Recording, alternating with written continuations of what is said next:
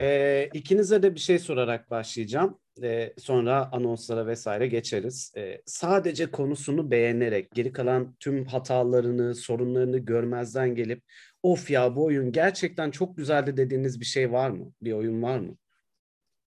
Can abi. Erotik oyunlar herhalde yani. Arkadaşlar Yüksek Şey var. başladık. Ne bileyim. Hayır bir şey söyleyeceğim. Yani sadece konusunu beğenerek de "Aa, yok ya öyle bir şey yok. Yani ben şey oluyorum. Giderim film izlerim. Lan bir sürü Netflix'te izlemediğimiz yani hala izlemediğim mesela klasik filmler var benim. Anladın mı? O. Açacağım da orada ay bilmem konu anlatıyor. Bunlar oyunların zaten anlattıkları senaryonun yüzde sekseni aynı falan. Yani eee, yok yani sırf konusuyla sürükleyip de götüren beni oyun yok açıkçası. Altına en azından en kötü bir baharat bir sos yapması lazım. Öyle şey olmuyor. Kuru kuru olmuyor açıkçası yani. E, öte yandan konusu hiç umurumda olmayıp sadece mekanikler yüzünden oynadım. Yüzlerce oyun var herhalde. Ya ben bak, buna Disco Elysium dersin diye çok düşünmüştüm abi ama. Yo niye? Disco Elysium'un mekanikleri hayvan gibi iyi çalışıyor aksine. Yani Ki yani- Çevirmiş insan değil misin sen? Bunu senin çok iyi fark etmen gerekiyor. evet, evet. Ahbab Yani- İletişim'in bu bölümünde Can Sungur konuğumuz. Hoş geldiniz. Abi devam et lütfen. Selamlar, hoş bulduk. Ya şey diyecektim. e, Disco Elysium herhalde bu konuda da çok konuşulacak bir şey oldu. Çünkü Disco Elysium'un yazarı zaten roman yazarı olduğu için Hı hı. e, oyunun içerisinde de evet gerçekten roman derinliğinde bir metin var ama bunu sadece metinde de tutmayıp açıkçası çok e, interaktif bir metne dönüştürmeyi becermişler. Zaten işte e, hani bu edebiyat konusu zaten bir, aslında bir tık şeyden bahsedeceğim işte bugün edebiyat falan gibi düşündük başta biz bu bölümü. Hı hı. Ee, vaktinde ben bu game design işlerine ilk merak sardığımda dedim ki game design kursunu ben nereden alayım dedim. Nereden nereden? MIT'den alayım dedim bu arada. Hiç abartmadan söylüyorum şu anda. E gittim internet sitelerine baktım. MIT'de bu arada merak eden herkes için söylüyorum. Open Course diye bir sistem var. Yani yıllık müfredatlarını ve hocaların notlarını koyuyorlar. E, kaynakça veriyor hoca. Bunları okuyun gelin sınıfta konuşalım diyor. Sınıfa seni almıyorlar. Çünkü MIT öğrencisi değilsin. Ama konuları veriyorlar ve hocanın da notlarını veriyorlar. Hani hangi konudan bu kaynakları yakalamak lazım şeklinde. Ben de açıkçası bu game design öğreneyim falan muhabbetine e, MIT'de girdim bu işe. Media Studies altında bakıyorlar bu arada çok ilginç bir şekilde. Yani bilgisayar mühendisliği yazılım altında değil bu heriflerde oyun tasarımı ve oyun konuları. Media Studies altında ki bence çok doğru. Yani hele de okuduktan sonra daha iyi anladım bunu. E, Media Studies deyince de zaten direkt şeyden girmişler. İşte narratif, meta narratif, intertextuality falan gibi konulara girmişler. Ben şey oldum böyle, abi işte hit point bakacaktık, nereye geldik filan. İnanılmaz yerlere sürükledi beni oradan aldığım o e, aslında müfredat üzerine yaptığım okumalar. Şey çok ilginç ya bu 90'ların ortalarında falan dijital oyunları o zaman video games dedikleri dönemde yani hocalar falan inanılmaz şey olmuş. Abi interaktif metin ya dünyamız değişiyor abi işte tıklıyorsun mesela bir yere gidiyor falan inanılmaz heyecanlanmışlar böyle tamam mı? Koca koca adamlar falan ne makaleler yazmış şimdi. Şimdi komik geliyor çünkü artık hani anladın mı YouTube'da falan millet meta narratifler kuruyor sosyal medyayla bağlıyor bir şeyler yapıyor falan. Ama o vakit şeye çok heyecanlanmışlar. İşte HTML diye bir şey var. Mesela diyelim ki orada Ahmet diyorsan Ahmet'e tıklıyorsun. Ahmet'in fotoğrafı geliyor. Dünyamız değişti abi. Edebiyat baştan tanımlanıyor abi falan inanılmaz coşmuşlar böyle. Ee, ve ne bu arada ne terminolojiler. Yani iki tane oradan kitap kaldı aklımda. Yani bunlar birazcık artık yani hala bugün için geçerli eserler. Mesela virtual reality ortaya çıktığında da aynı heyecan bir tur daha yaşandı. Öte yandan işte akademisyenlerin üretileceğini zannettiği şeylerle piyasanın talep ettiği ürünler çok tutmuyor. Yani o, hı. o da bir realite. Ama iki tane önemli kitap var hani bu konuda ekstra okuma yapmak isteyenler olursa diye. Bir tanesi ki ben okurken yoruldum ve kafam açıldı ama bir yandan da yoruldum yani. Bir tanesi Janet Murray'nin MIT Press'ten çıkan Hamlet on the Holodeck. Ee, interaktif ortamlarda güzel edebiyat yapabilecek miyiz ileride isminde bir kitabı. Onu da işte bu Hamlet on the Holo'daki şeyden bahsetmiştim daha önce. Star Trek incelemesi yaptığımız seride bahsetmiştim. Ee, Holodeck'in şey bir durumu var. Aha Aras Kargo. Ee, Holodeck'in şey bir durumu var. Star Trek'in içerisinde. İşte aslında bir virtual reality ortamı. Sen tümüyle içine giriyorsun. Hazır bir takım senaryolar var. Yalnız bir süre sonra bu adamlar gemide seyir sefer oldukları için diyorlar ki eğer aynı senaryolardan sıkıldık bilgisayar bize yeni senaryo uydurun diyorlar. Bilgisayarda bunlara yeni senaryo uydurmaya başlıyor. Karşıdan aktörler koyuyor. Aktörler çıkıyor bunlarla konuşuyor ediyor falan filan. Aslında bugün işte böyle bilgisayar oyunları şey gibi terimler konuşuyoruz ya. Emergent narrative abi, yapay zeka storytelling falan filan. O muhabbetlerin alayını vakti zamanda holodeck kisvesi altında Star Trek'te konunun arka planı olarak bir de inceleyip geçmişler. Yani o konunun arka planı onun üstüne bir de atıyorum cinayet işleniyor da onu çözüyor bizimkiler. Yani aslında e, felsefi derinliği olan kısımlar Star Trek çok takılmıyor.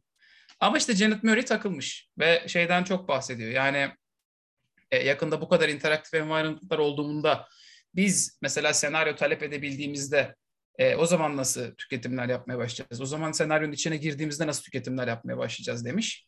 Bu bayağı eski bir kitap. E, yani virtual reality'den falan yıllar önce çıkmış bir iş gerçekten. Bugün virtual reality çıktı. Yani virtual reality'de de millet porno oyunu oynuyor bir de wave shooter yapıyor. Üstüne gelen orklara ateş ediyor. Evet. Yani Janet ablanın hayalleri ne yazık ki yani şey Janet ablam aynı Star Trek gibi çok insanlıktan çok şey beklemiş yani ama biz öyle bir kadro değiliz yani yapacak bir şey yok. Güzel. Berna devam et. Ben ben daha ne devam ettireyim? Adam öyle bir konuştu ki benim üstüne koyacak bir şeyim kalmadı. Devam. İyi bir bu tane daha kitap var o zaman. Heh, evet. İkinci kitaptan da bahsedeyim salayım. Bunlar çünkü biraz kaynak da önermek istiyorum. Hani hakikaten dinleyip merak eden arkadaşlar olursa diye. İkincisi bu, bu, bu arada çok ağır bir kitap. Bunu okumak opsiyonel. Hadi şey neyse bir önceki okey yani biraz gelecek görüsü artık retro future yani öteki kitap. Bu bu biraz benim kafamı çok açıp beni çok internetlerde araştırmaya sürüklemişti. Aslında tuhaf bir şekilde edebiyatın e, akademik olarak eline alınabilen bir şey olduğunu ben bu kitap serisinde keşfettim. Çünkü bana sorsan edebiyat Aa, işte yazıyor aa, adamlar bir şeyler aa, falan gibi. Ne evet kadar, işte ne yalan kadar. olmasın. Ya Tabii. aa terbiyesizlik bu. Aynen. çok sallamıyordum. Şimdi bu abinin ismi Espen Arset. İki aile yazıyorlar. Espen Arset. Bu abi de Cybertext. Perspective on Ergodic Literature diye bir kitap yazmış. Ee, ergodik edebiyat ve cybertext dediği de aslında kitabın kapağına falan bakıyorsun. Abi cyberpunk abi gelecek abi falan filan diyorsun. Aslında hmm, yani iki tane şeye bakıyor. İki tane yerden çok esinlenmiş o. Birincisi HTML falan gibi markup tekstlerin ortaya çıkmasıyla beraber e, bir metnin içerisinde birden fazla anlatı saklanabilir. Yani normalde sen bir eseri okursun düz, düz okuduğundan bir şeyler çıkarmaya çalışırsın ama diyor ki gelecekte biz oynak metinler üzerinden aslında bir şeyler çıkartmaya başlayacağız. Hatta işte çoktan tercihli kitaplar dijitale dönecek. İşte HTML gibi bir şey olacak. Sen mesela çok korkuyorsan hikayede başka bir kısma gideceksin. İşte müziğini dinlemek istersen oraya tıklayacaksın. Sonra da çok güzel bir şey yapmış açıkçası. Madlara girmiş. Ee, o yüzden aslında bugünün MMO'larına böyle güzel bir kafayla bakmak açısından inanılmaz vizyoner bir şey sunuyor herif. MAD dediğimizi biliyor musunuz? Çok eski MMO'lar sadece text yani MIRC düşün chat kanalı. Siyah Hı-hı. üstüne beyaz sadece role, role playing yapılan kanallar vardı böyle. Ha. Giriyorsun Hı-hı. sıfır görüntü. MMO'ların Hı-hı. babası kabul edilir bunlar. Hı-hı. Giriyorsun böyle diyorsun ben elf kızıyım. O da diyor aa hoş geldin elf kızı hadi gel diyor. İşte gidelim Lord'la konuşalım. Lord'u da başka birisi oynuyor. Hoş geldiniz yeğenler falan diyor. Ama şey 600 kişi sadece rol yapıyorlar gibi düşün. Zaten şey yok grind yok. Yani bir yere gidip bir yere tıklayamadığın için e, çok da aşırı böyle oyun mekaniği olarak derin değil. Ama bir yandan da bir yere gitme, bir yerde kendini sunma, alışveriş yapma, kendini represent etme, temsil etme falan gibi bir takım opsiyonlar olduğu için MMO'ların atası bu madlar. Arset oraya da giriyor ve şey diyor, e, bir sürü insan topluyoruz bir arada bunlar konuşuyorlar. İşte bunu birisi yazsa biz bunlara tiyatro eseri der kenara koyarız. Şimdi bu herifler kendileri yaptıkları için bu şimdi kıymetsiz mi? Bu edebiyat değil mi? Ya da bu edebiyat kabul edilebilir mi falan gibi bazı insanların böyle küçük alınlarına öpücükler konduruyor. Bu iki kitap zaten şey böyle e, game design ve narratif konusunda must read olarak geçen iki tane kitap. Hı hı. E, bir de bu araştırmalar sonucunda ekstra bir trivia bilgi vereceğim. E, Arset bahsettiği için öğrenmiştim ben de onu. Pale Fire diye bir tane kitap var. E, şeyin. Nabokov'un. Hatırlıyor musunuz bilmiyorum. Beyaz Ateş falan olabilir Türkçesi. Evet evet evet. evet. Hı hı. Aha. E, bu Pale Fire da işte bir şekilde şey kabul ediliyor. Meta anlatı, meta narratif konusunda has örnek. Yani işte kim yapmış bu şey? İşte ilk bu yapmış falan. Daha erken örnekler bulunuyor ama Pale Fire en serti kabul ediliyor. Hı hı. E, o da şeyden ötürü. Normalde bir şiir var. O şiirde bir adam destan daha doğrusu destan metni. Adam kendi bir hikaye anlatıyor. Ama şey çok ilginç. Yani destan metni var. Onun ön sözü var. Fake bir yazar diyor ki ben burada bu destanda şunu anlatmaya çalıştım diyor. Destanın ortada bir şey var. Bazı yerlerini çizmiş, düzeltmiş. Sonlarına bir şeyler daha eklemiş. Kendi notlarıyla beraber editörüne göndermiş. Editörü üstüne notlar almış. Yazara geri göndermiş. Ama eserin totali bu. Yani aslında sen Hı hı. böyle ham bir şey görüyorsun. Ama editör de Nabokov'un yazdığı birisi, yazar da Nabokov'un yazdığı birisi.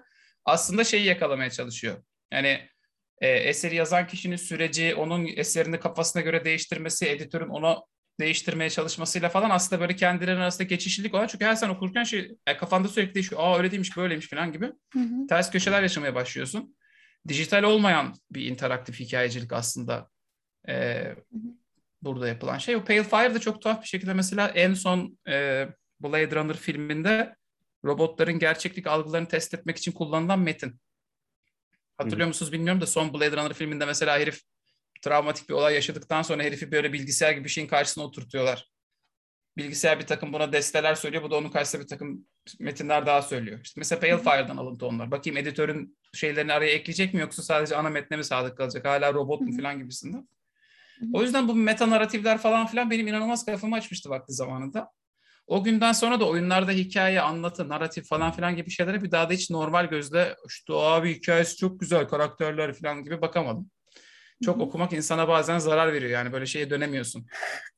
Eski güzel kültürsüz cahil günlerimdeki gibi değerlendiremiyorum hiçbir şey yani. Evet mesleki deformasyon dolayısıyla bunu şey yapabilirim. E, Bölümü destekleyebilirim. bitirsek kimsenin itirazı olmasa yalnız. Bir şey değil mi? Evet yani bizim Ya her 40 şey dakikada bitirdi ya. konuşacağımız şeyi tekte bitirdi Can abi resmen. Maşallah. E, ama işte okumanın verdiği avantaj bu arkadaşlar. Yani üzerinde çok çok bir de vakti zamanında yazmış akademisyenler yani sen, senin benim gölgesi olabileceğimiz adamları yazmış koymuş. Okuyunca diyorsun ki eyvallah canları sağ olsun ne güzel yazmışlar. Peki Can abi şey sorayım ben sana. Şimdi bizim dinleyicimizden oyunlara böyle çok yanaşmayanlar da olabilir. Oyunlara ne neymiş ya bu gözüyle bakanlar da olabilir. Seni tanımayanlar da olabilir bu yüzden. Şimdi Can abi tanımıyorsanız e, Türkiye'nin en önde gelen e, influencerlarından oyun sektörünün en içindeki adam diyebiliriz size.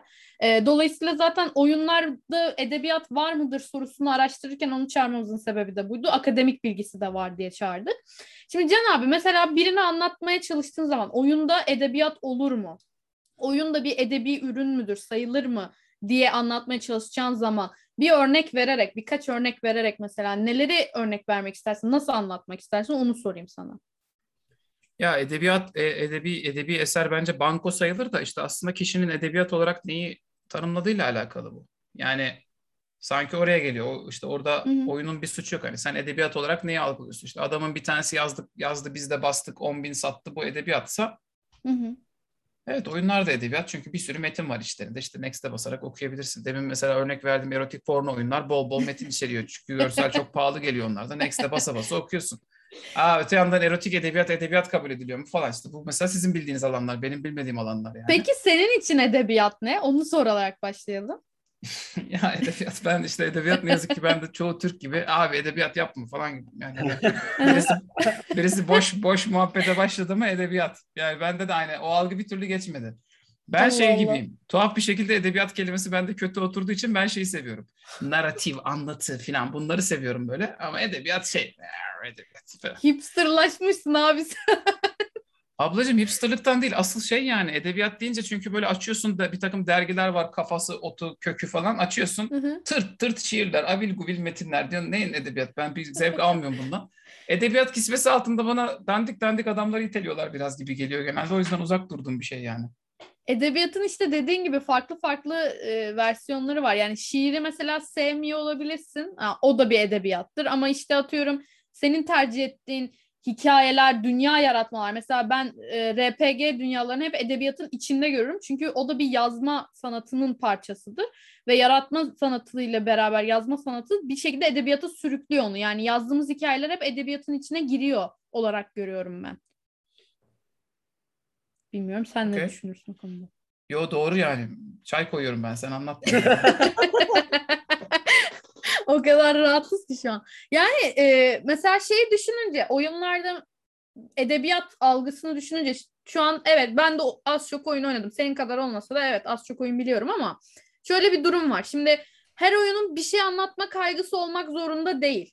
Yani vur kır parçala geç de olabilir oyun. Ama bir şey anlatıp sana bir şeyler kazandırma kaygısı da olabilir. Mesela e, estetik oyunlar var. Atıyorum Journey olur, Gris olur. Bunlar illa bir şey anlatmak zorunda değil. Mesela Journey hiçbir şey anlatmadan aslında anlatıyor gibi. Mesela sence bu bir edebiyat sayılır mı anlat, atıyorum ki? İlla bir tekste sahip olması da gerekmiyor çünkü. Sanatsal Bilmiyorum işte bir şey. onu onu sen bana söyleyeceksin. Ben, ben edebiyat dalından değil oyun açısından konuk oldum. Berna.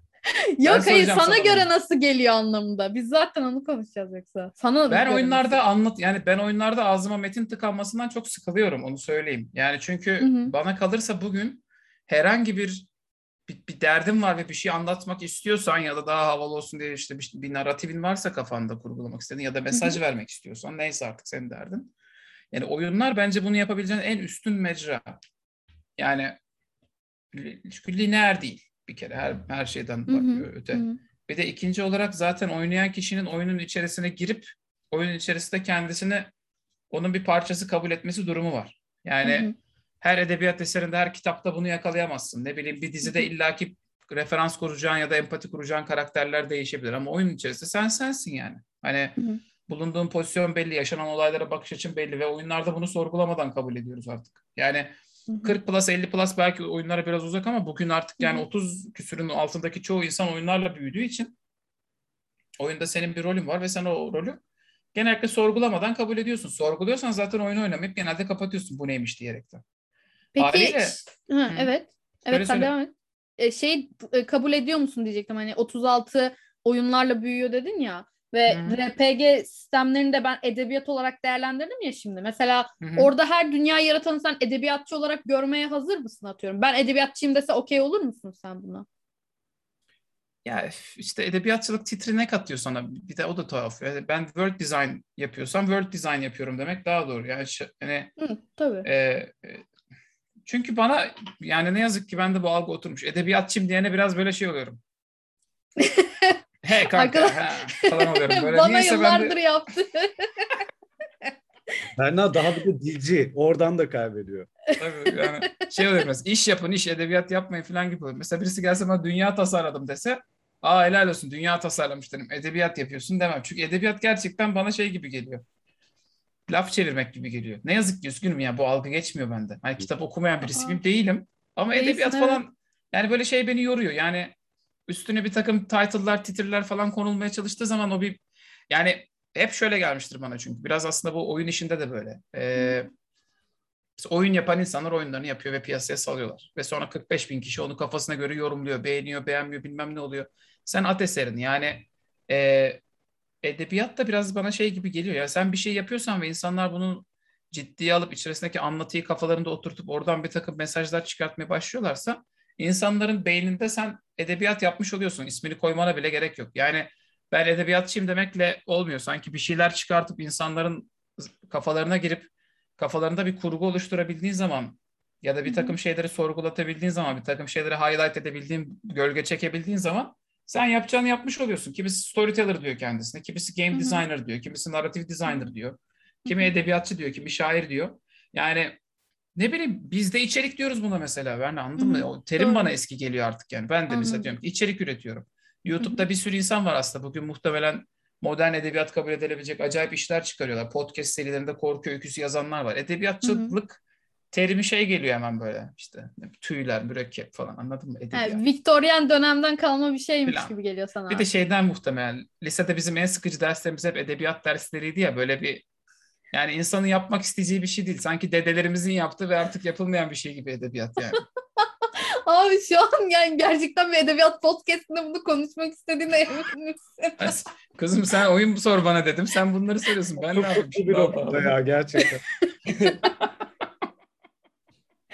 Andaç sen bir şey diyor musun? tamam. e, Abdülhak Hamit Tarhan vardı mesela. O yapmış vaktinde edebiyatı. Bize düşmez yani anladın mı? Hani Orhan Veli Han duvarları falan ne bileyim. Orhan Veli'nin değildi galiba Han duvarları da yani. Neyse işte yani. Edebiyatı onlar yapmış. 2021'de edebiyat mı olur artık bırakın diye. Edebiyatın modası geçti. Ee, yani oyunların e, bu biraz önce şey dedin ya o çok dikkatimi çekti. Artık benim üstüme çok fazla metin yığılan oyunları e, sevmiyorum. Çok fazla metinden oluşan, bana bir şeyleri okutmaya zorlayan e, oyunları sevmiyorum. Ama bir yandan da anlatının da güçlenmesi için çoğu zaman belki tembel işidir. Bilmiyorum. Sen daha iyi bilirsin onu da. Hani e, belki tembel işi olarak e, önüne metinler çıkartıp seni buna okumaya zorluyordur oyunlar. E, ama e, oyunların da bir yandan hem hikayeyi devam ettirmek hem sana bir şeyleri aktarmak için metine ihtiyacı var. Orada neyi tercih ediyorsun mesela? Daha az diyalog, daha çok diyalog ya da işte bana göstersin, bana okutmasın, bana dinletsin, bana okutmasın. Ne noktadasın orada? Ya o aslında şeyle alakalı ya. İşte film ya aslında şöyle ben biraz da çok fazla e, şey dalını ne diyeyim görsel sanat dalı diyeyim hadi oyunları da onun altına katarak takip ettiğim için dizisi, filmi, oyunu. E şimdi sinemada çok basit bir kural var. Hani göster anlatma diye bir şey vardır ya. Yani şey gibi hani sen bir filmi açarsın. Filmin başında adam der ki işte bin bilmem kaç yılıydı. İnsanlar açtı, susuzdu falan. Sonra sahne açılır. Bu mesela genel olarak daha zayıf kabul edilir. İlla da zayıf yapmıyor bence bir eser ama hani sen bunu çok daha basit oradaki iki aktörün hani böyle elini bükmesiyle böyle kolunu devirmesiyle falan anlatabilecekken bir tane adamın çıkıp bap bap bap diye dışarıdan konuşması daha tabii ki bir tık daha zayıf kabul ediliyor. Şimdi oyunlarda da çok benzer bir durum var. Yani e, zaten oyunun içerisinde sen birisini oynuyorsun ya da oynayan, hareket eden bir takım karakterlerin süreçlerini takip ediyorsun, sonuçlarını görüyorsun. E, hatalar yapılıyor, birileri ölüyor, intikamlar alınıyor, insanlar hırslanıyor. Yani bunlar aslında zaten sana anlatabileceği pek çok şey varken bunları anlatıyor. Ee, en basitinden mesela Spec Ops The Line bu konuda çok bariz bir örnek kabul edilen bir oyun.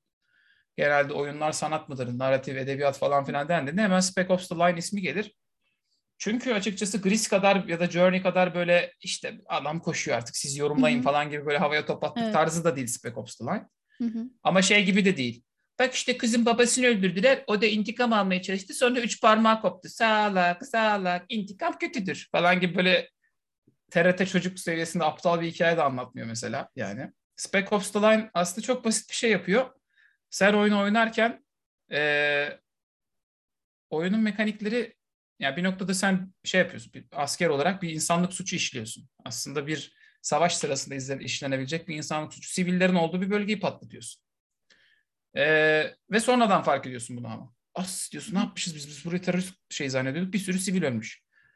İşte karargah falan şey diyor. Ya boş ver aga falan diyor böyle hani ne olacak? Siz, siz yazmazsanız biz de yazmayız falan diyor. Devam ediyorlar. Ama o noktadan sonra senin karakterin bazı anlarda yürüme komutlarına ters tepki vermeye başlıyor. Bazı anlarda ateş etme komutlarına ters tepki vermeye başlıyor. Mouse'a tıklıyorsun ateş etmiyor diz, dizlerin üstüne çöküp panik atak geçiriyormuş gibi kendine bakmaya başlıyor. Bir odada mesela etrafını düşmanların sardığını zannedip çatışmaya başlıyor. Gözleri karardığında bir bakıyor düşmanlar falan yokmuş kafa gitmeye başlıyor ufak ufak. Aslında belli, anlıyorsun ki post travmatik stres disorder yaşıyor herif bir şekilde yani. Ama orada hiçbir zaman şey olmuyor. Hey ana oyuncu post travmatik stres disorder yaşıyorsun. Gördüğün gibi savaş kötüdür. Savaşta siviller de ölür. Siviller öldüğü zaman askerler üzülür. Ya işte anladın mı? Bunu böyle çıkıp hayvan gibi böyle izah etmek var. Yani aptal anlatır gibi izah etmek var. Ya da oyun oynarken benim şey olmam var böyle. ne oluyor lan herif çalışmıyor mu herif bozuldu falan. Evet herif bozuldu yani. Herif çünkü psikolojik bir durum yaşadı yani. Bunu anlatmanın 40 tane yöntem var. Vaktinde Spec Ops Slime bunu çok iyi yaptığı için e, bu konuda en iyi anılan oyunlardan bir tanesi mesela hala. Hı hı. Ben Bence şey, bütün oyunlar yapabiliyorsa bunu yapmalı bu arada. Ben şeyi merak ediyorum. Şimdi çok fazla oyun oynamış ve çok oyunlarla ilgili akademik bilgisi olan biri olarak bakmanı istiyorum. Şimdi edebiyatta e, böyle yeni bir buluşmuş gibi aslında türler edebiyatta bir tür yeni buluş gibidir. Çünkü e, o tür çıktıktan sonra başka şeylere de önce olur. O başka şeylere önce olur. Mesela atıyorum Frankenstein'ın e, çıktığı zamanlarda bilim kurguya, polisiyeye, korku edebiyatına öncülük etmesi gibi. Birden fazla dala öncülük ediyor gibisinden. Bunlar böyle birazcık şey e, ba- başyapıt eserler olduğu için söylüyorum. Şimdi e, evet Frankenstein çıktığı zaman belki bunu düşünmüyordu e, yazarı ama e, daha sonra o kadar çok fazla uyarlandı, o kadar çok fazla bir şeyin içine malzeme edildi ki bu edebiyat olgusundan sanki biraz daha çıkar gibi oldu. Ama benim sormak istediğim şu, bu malzemeyi yani oyunlardaki e, bir nasıl diyeyim edebiyatsal biraz daha narratif kısmındaki malzemeyi e, alıp ilerleten e, oyunlarda sürekli gördüğün Her, bir şey var mı onlardan?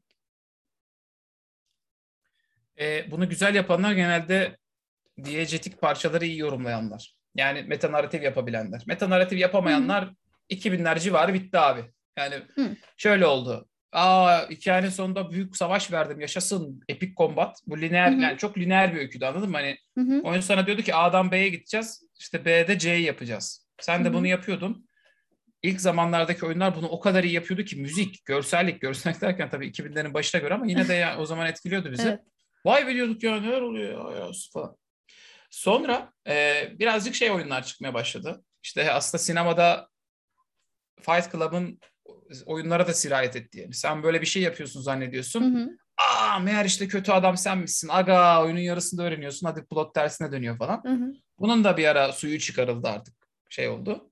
Hı hı. Ee, ondan sonra demin söylediğim gibi aslında bugün hala istisnasız her şekilde e, seyirciyi şaşırtıp yeni bir soluk getirebilen bütün oyunlar diyegetik. Diyegetik, non-diyegetik tar- ta- tabiri de şeyle alakalıdır. E, bunun Türkçe tabiri çok uzun olduğu için fantastik kelime kullanıyorum gibi geliyor ama diyegetik şey demek. Sen bir oyun oynarken oyunun ekranında mouse'un gözükür işte ya da anladın mı? Can barın gözükür ya da ne bileyim A, B tuşlarına bas gibi promptlar çıkar. Oyunun dünyasının bir parçası olmayan bizim insan olarak dünyamızın bir parçası olduğu için ekranda bulunan bir takım unsurlar vardır ya UI falan gibi de düşünebilirsiniz bunu Evet. ama adama vurduğunda 600-500 yazması falan gibi de düşünebilirsiniz. Aslında narratifin geçtiği dünyaya ait olmayan bütün dış unsurlar sinemada yukarıdan mikrofonun gözükmesi falan gibi e, non-diyegetik kabul ediliyor. Dünyaya ait olmayan. Ne zaman insanların aklında kalan çok sağlam bir oyun bu numarayı çektiyse hep bu unsurları kullanıyor. E, Spider-Man'in oyunlarından bir tanesi de mesela Mysterio ile kapışacak oluyorsun. Mysterio'nun böyle cam barı yukarıda bir uzamaya başlıyor. Bip bip bip bip bip bip bip bip uzuyor uzuyor uzuyor böyle uzuyor herifin cam barı. "Of, Nasıl döveceğiz lan ne bu 25 bin canı var falan diyorsun. İlk yumrukta devriliyor herif mesela.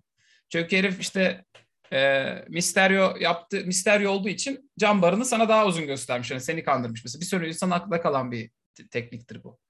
Ya da e, Spec Ops The Line mesela bunu non-diyegetik yapmayan nadir oyunlardan. Oyunun içerisinde seni şaşırtıyor. Hı hı. Ee, onun dışında pek çok oyunda görürsün bunu. Mesela Prince of Persia Sands of Time ilk çıktığında Hı hı. Prince of Persia düşüyor ölüyor bir yerde. Zamanı geri alma var oyunda. Sen zamanı Evet. geri almaya başladığında dışarıdan prensin seslendirmesi şey diyor. Ha yok yok ya hikayede öyle olmamıştı diyor. Şşş şşş diye geri alıyor böyle hikayeyi. Aslında dış bir unsurla oyunda bir yeni bir katman eklemiş oluyorlar. Hep bunun gibi örnekler vardır. Yani e, Bioshock, Bioshock'un ilk oyunu mesela bu konuda Hı hı. çok ilginç bir şeydir. E, bütün oyunlarda oynarken görürsün işte hedefine gidip birilerini öldürmen, boncukları toplaman falan gerekiyorsa ekranda böyle bir ok çıkar, bir sarı ok çıkar. Hı hı. Eğer işte sen koşullanmış bir karaktermişsin, bir kelime söylendiği zaman o söylenen şeyi yapmak durumunda kalıyormuşsun. Yani şey bir karaktermişsin, hipnotize edilmiş gibi bir karaktermişsin. Oyun boyunca sana sürekli bir yere git bir şeyler yap, bir yere git bir şeyler yap diyorlar. Sonra da o kelimeyi söylüyorlar. Senden iki varlıklarından söylüyorlar zannediyorsun. Sonra bir bakıyorsun ki seni yönetiyorlar. Hı hı. Ee, seni yöneten adamı ortadan kaldırdığında görevlerin yine çıkmaya başlıyor ama boncuklar çıkmayı bitiyor mesela. Çünkü hiç, kim, hiç kimse sana şey e, hipnotize bir kullanarak direktif vermiyor. Anladınız mı? Yani oyunun dış unsurlarıyla, oyunun dış iç demeyeyim de narratif unsurlarıyla, narratif dünyasının dışarısında kalan unsurları akıllıca kullanan oyunlar istisnasız hep şaşırttılar bugüne kadar e, oyuncuları ve tüketicileri. Ve hep akılda kaldı. Hideo Kojima vaktinde Metal Gear Solid 2'de Hı. mesela beyin okuyan bir karakter çıkarttığında e, SD karttaki diğer save'lere bakıp o işte bilmem ne oyununda da şu kadar saatim var. Yani tam öyle demiyordu işte. O bilmem ne dünyalarına da gitmişsin. Ya tüm örnek vereceğim şu an. Tabii yoktu o zaman. Skyrim oynamışsın diyelim ki sen aynı makinede. Hı hı. O Skyrim'e de gitmişsin falan diyor karakter. Şimdi bugün olsa millet anlar tabii öyle olduğunu da PlayStation 2 zamanı online falan yok. Hiçbir şey yok. Millet böyle aklı çıkmıştı. "Aa, Ne oluyor lan falan diye böyle. Güzel numaralardır yani. Hmm. Peki. Yoksa hikayecilik al- alanında güneşin altında taze bir şey yapılmıyor pek. Onun babası ölüyor, onun anası ölüyor. Dünyayı kötü adam ele geçirmeye çalışıyor. Koşup koşup çok sertçe vuruyorsun, geberiyorlar bu. Peki sen mesela bir dünya, bir evren oluştururken neyi en çok göz önünde bulunduruyorsun? İşte insanlar podcast yayı deli gibi dinlediler mesela. Evet. O orada ne vardı? Ee, yani hani senin en çok başlangıçta dikkat ettiğin şey ne oldu? O hikayeyi çeşitlendirirken, büyütürken, genişletirken çok fazla da karakter katıldı ya bir noktada. Ee, Hmm. yani hani o hikayenin genişleme aşamasında, podcast evreninin genişleme aşamasında neleri baz aldın, nelere çok dikkat ettin bunu merak ediyorum ben. Podcast ya tabii rol yapma oyunu. E, rol yapma oyunu olduğu için senaryo aslında 5 kişinin arasında bölünüşülen bir şey. Tüm kontrol bende değil. Yani oyuncular yapmak istediklerini yapıyorlar. Ben ona göre bir tepki vermek durumunda kalıyorum. İşte Arset'in kitabında bahsettiği yani ortak çıkarılan bir eser var aslında ortada. Ne kadar son hüküm bende de olsa e, doğaçlama tiyatro gibi bir şey. Bir noktada şey değişiyor. Yani gidilebilecek yerler sonsuz. Haliyle iki şey yapmaya çalışıyorsun bir rol yapma dünyası yaratırken. Bir, oyuncuların potansiyel bir takım isteyebilecekleri, dileyebilecekleri şeyler işin içinde var mı? Ne bileyim, tuvalet var mı? Demirci var mı kılıç almak isterlerse? İşte han var mı uyumak isterlerse filan gibi böyle hani bunlara dikkat etmen gerekiyor. İkincisi podcast diye tabii bir de şey katmanı var üzerinde. İnsanların da dinleyecekleri bir şey.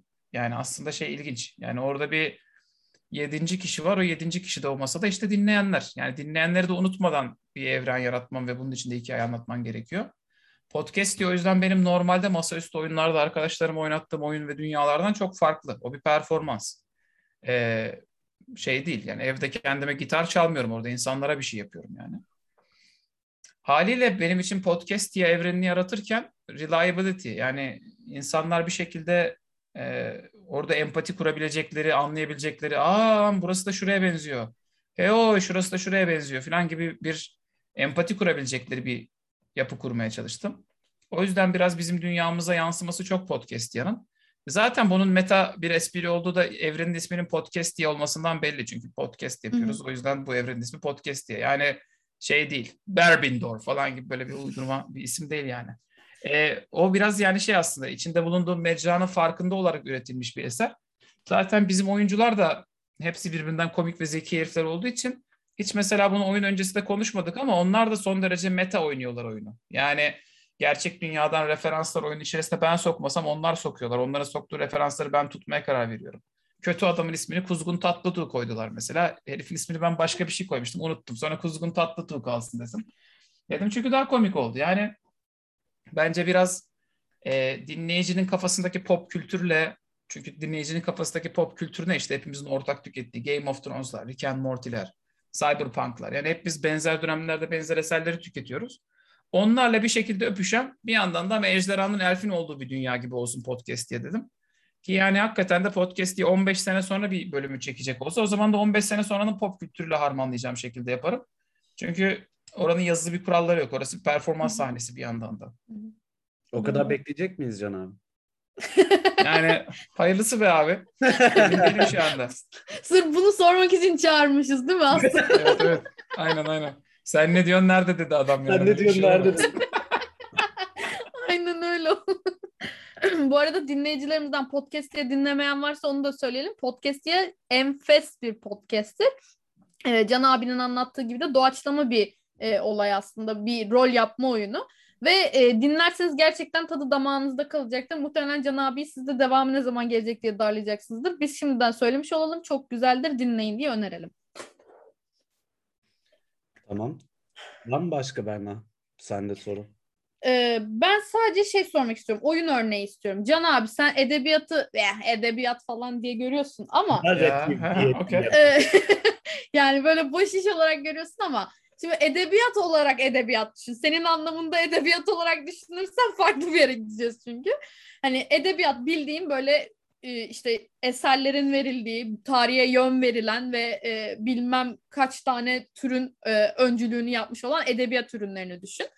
Böyle bir ürünü düşündüğün zaman aklında yan, e, aklında yanan o ampulde ilk oyun ne? Mesela o ilk oyun ne olabilir senin için? Böyle bir şey. Ne, bir dakika bir daha sor. Edebiyat ürünü dediğinde aklıma gelen ilk oyun mu özetle? Yani mesela çok müthiş bir edebiyat ürünü düşün tamam mı? Öncülerinden. Frankenstein dedim ya mesela atıyorum fantastikte evet. Yüzüklerin Efendisi gibi düşünebilirsin atıyorum. Genre defining mi? Gibi evet, gibi. Yani öncü olan ve e, aslında edebiyat anlamında çok şey katmış. Mekanik anlamında değil, oyun anlamında değil. Me, e, edebiyatsal yönü çok güçlü olan bir oyun aklına geliyor mu? Canlanıyor. Dark Souls. Dark Souls'un bu konuda ne kadar güçlü olduğunu çoğu insan fark etmiyor. E, hedefe kitlenip hedefin etrafında yuvarlanarak dönmek zannediyorlar çoğu insan Dark Souls'u. Bu çok üzücü bir şey. Çünkü Dark Souls aslında şeyi inanılmaz bir şekilde e, bence diğer oyun stüdyolarının yüzüne vurdu. Yani Dark Souls oyununu açıyorsun. Dark Souls oyununun başında bir tane teyze diyor e, güneş karardı, yapraklar çıktı falan anlatıyor. Bu arada o kadar anlamsız şeyler anlatıyor ki. Yani Dark Souls'un şey gibi tuhaf bir e, becerisi de var. normalde bizlerin çoğu edebiyat eserinde çok normal kullandığı bazı terimleri farklı terimler olarak kullanıyor aslında. Yani insan ruhu diyor mesela. İnsan ruhu aslında bizim mevcut dünyamızda ya da Yüzüklerin Efendisi'nden Cyberpunk'a bir sürü yerde insan ruhu her zaman insan ruhudur. Hı hı. Dark Souls'da farklı bir şey ifade ediyor. Aslında o yüzden başında bir sinematik var. Ama o sinematikte anlattığı şeyleri dinleyince diyorsun ki ne diyor? Yine Japonlar delirmiş diyorsun tamam mı? Ya bir şey hiçbir şey ifade etmiyor. Çünkü ateş diyor mesela. Ateş nedir? Tahtayı tahtaya sürtünce ateş çıkar. Aslında Dark Souls evreninde o başka bir şeyin temsili. Yani Hmm. kelimelerin anlamları değişik o evrende. Baya kendi Ee, lore'u var yani. Hayır, kendi lore'u var değil bu. Kendi şeyi var. Ee, kendi lore'u var şey demek abi işte o, o Osgiliath'ta, Oduk Osgiliath öldü falan. Lore dediğim bu yani bir takım hikayelerden oluşmuyor sadece. Kendi dili var aslında Dark Souls'un. Dark Hmm. Souls'un diliyle İngilizce farklı diller. Ama İngilizce çok kullandığı için çoğu insan anlamıyor bunu başta. Evet, bu çok ilginç Ee, bir şey. Tamam. Oyunu oynadıkça şeyi fark ediyorsun. Aa bir dakika lan bu oyunda insan ruhu başka bir şey. Aa bir dakika lan bu oyunda ölmek başka bir şey ifade ediyor. Yani ha daha derin bir anlamı var mı işte oradan da kapitalizm eleştirisi mi çıkıyor? Hayır. Öyle bir şey de yok. Hı hı. Yalnız işte aslında sana bir, bir böyle nasıl söyleyeyim son derece sıkıcı bir sinematikle bir şey anlatırmış gibi gözükürken hiçbir şey anlatmıyor aslında oyun. Sonra sen oyunu oynadıkça tabii ki karakterlere, düşmanları kitlenip etraflarında dönerek öldürebilirsin onları.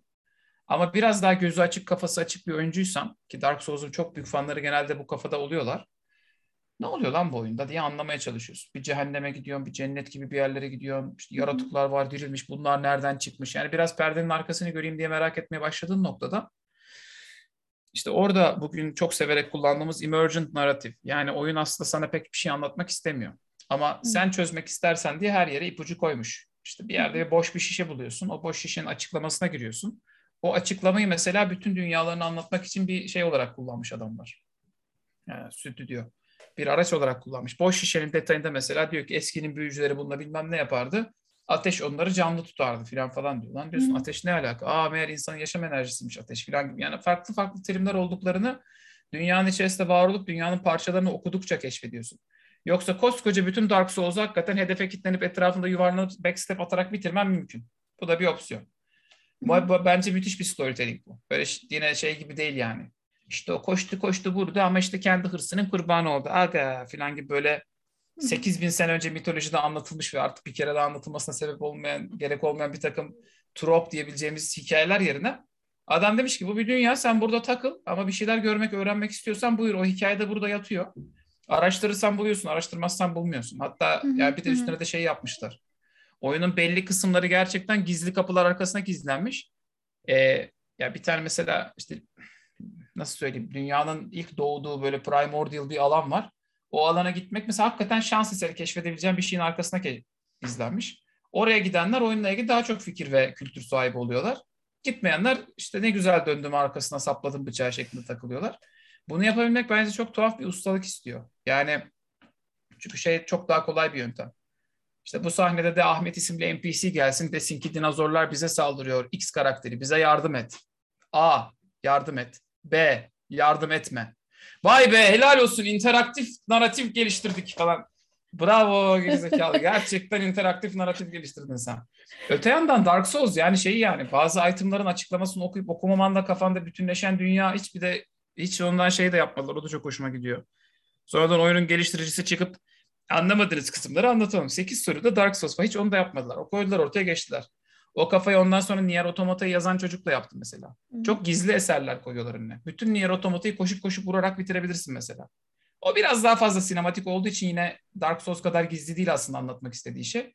Ama Nier Automata da mesela oyunda devam ediyorsun.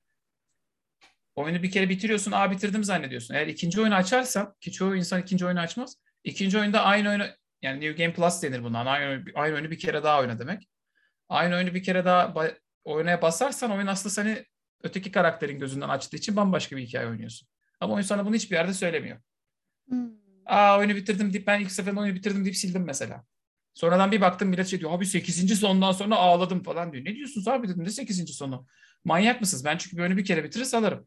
Evet. Ee, ikinci anlatıda ikinci karakterin rolünden oynuyorsun. Üçüncü anlatıda işte işte karakterlerin ziyaret ettiği bilmem hangi karakterin bakış açısından oynuyorsun. O çok daha kısa bir yön.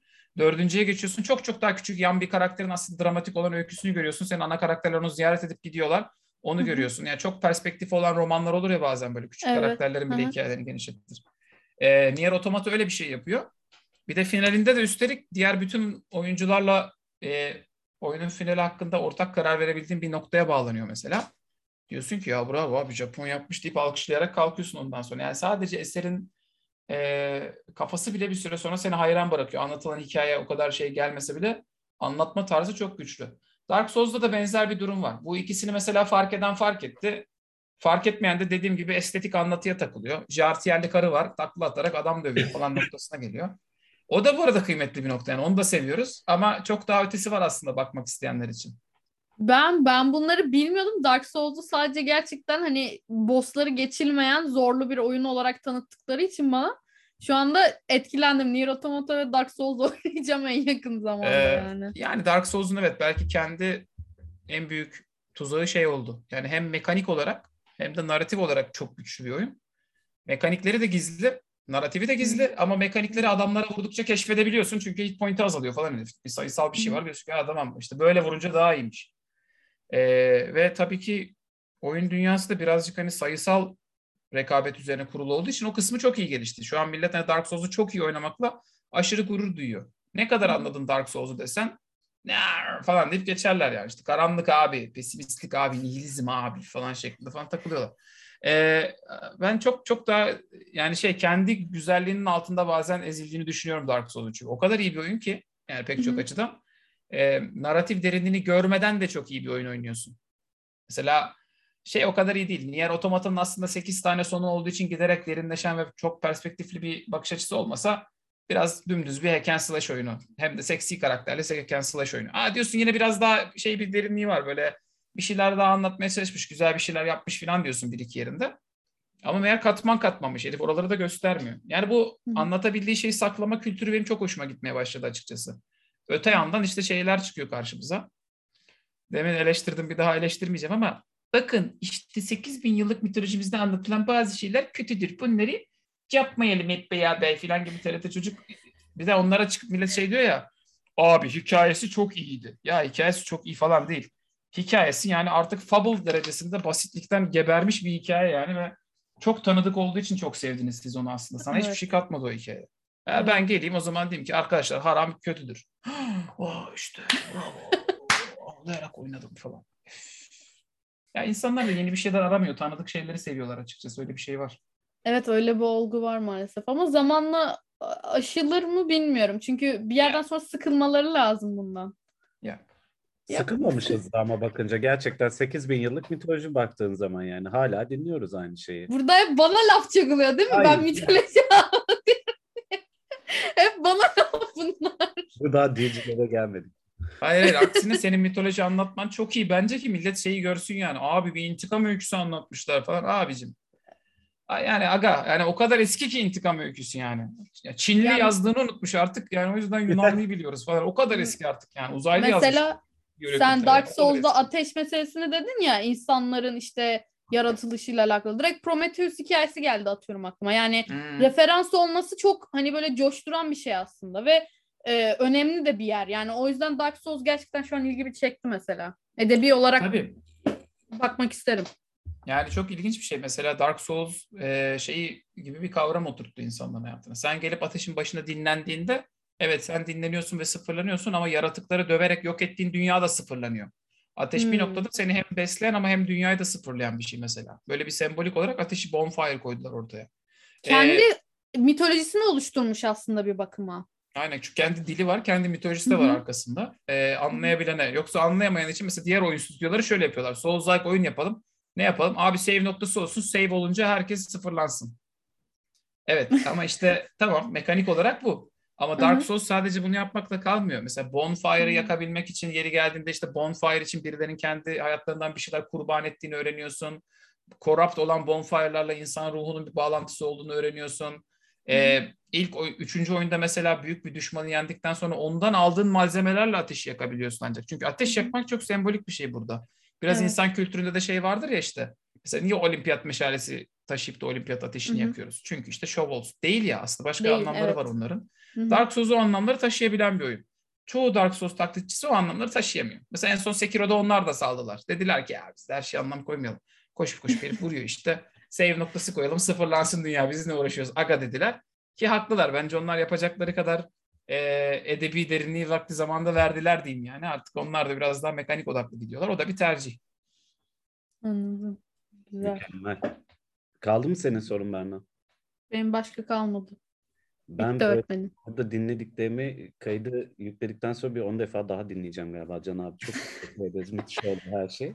Evet çok İyi, teşekkürler eyvallah. Can abi. Ya, Faydalı olduysa ne güzel. Bence oldu. Ol- Bence oldu. Bunun geri dönüşlerini de alırız zaten. Ee, Bana çok oldu açıkçası. Ben o kitapları çok merak ettim en başta söylediklerini. Bakacağım. Ama harbiden full hani akademisyenlerin akademisyenler için yazdığı kitaplar olur ya. Yani He, öyle ağır biraz. Şekli veriyor şey değil mi? evet evet yani akademik Anladım. kitap hakikaten. Anladım. Ee, ben bir kişisiz okuyamadım bir yerden sonra. Çünkü şöyle oldum yani ben akademik dili de bilmediğim için Hı hı. adam orada metafictional olarak falan diyor. Hadi aç bakalım metafictional neymiş. Bilmiyorum ki ben. Cahilim ya ben de çok sıfırdan girdiğim için yani bu işi öğreneceğim diye. Kitabın yarısında ben terminoloji öğrendim. Belki sen mesela o terminolojilere çok daha yakın olabilirsin. Ama Anladım. işte Anladın mı? Bu Biraz da kon- on- konuşuyoruz, konuşuyoruz bilmem ne oluyor. Adam diyor ki burada işte constructed language bağlamında falan. Hadi ben açıyorum constructed language neymiş falan. Böyle sıfırdan bir sürü şey öğrenmeye çalıştım bu kitap için. Hı hı. Ee, hani senin akademik kökenin olduğu için sen belki çok daha rahat edersin burada ama dinleyicileri de uyarma, uyarmak lazım. Hani bu şey Evet. gibi değil. Böyle homo deus gibi değil. Yani aldık bir tane adam bize her şeyi izah etsin hap olarak. Öyle kitaplar Değil. değil bunlar. Birazcık yoruyor. Evet. Yani dinleyiciler de o zaman kendine şey yapabilir. Can abi sıfırdan girdim diyorsa siz de yapabilirsiniz bence. Can abi o kadar araştırdıysa. içinde araştırma Evet. zevki olan İnat- herkesin. aşkı biraz inat herkesin. ettikten sonra yaparsın Evet. tabii ki. Yani. Tamamdır o zaman. Ahbab Literatür'ün yeni bölümünde görüşünceye kadar kendinize iyi bakın. Hoşça kalın. Hanımlar Bakalım. beyler Can Sungur'u alkışlıyoruz. Hoşçakalınız. Görüşmek üzere. Çok teşekkürler.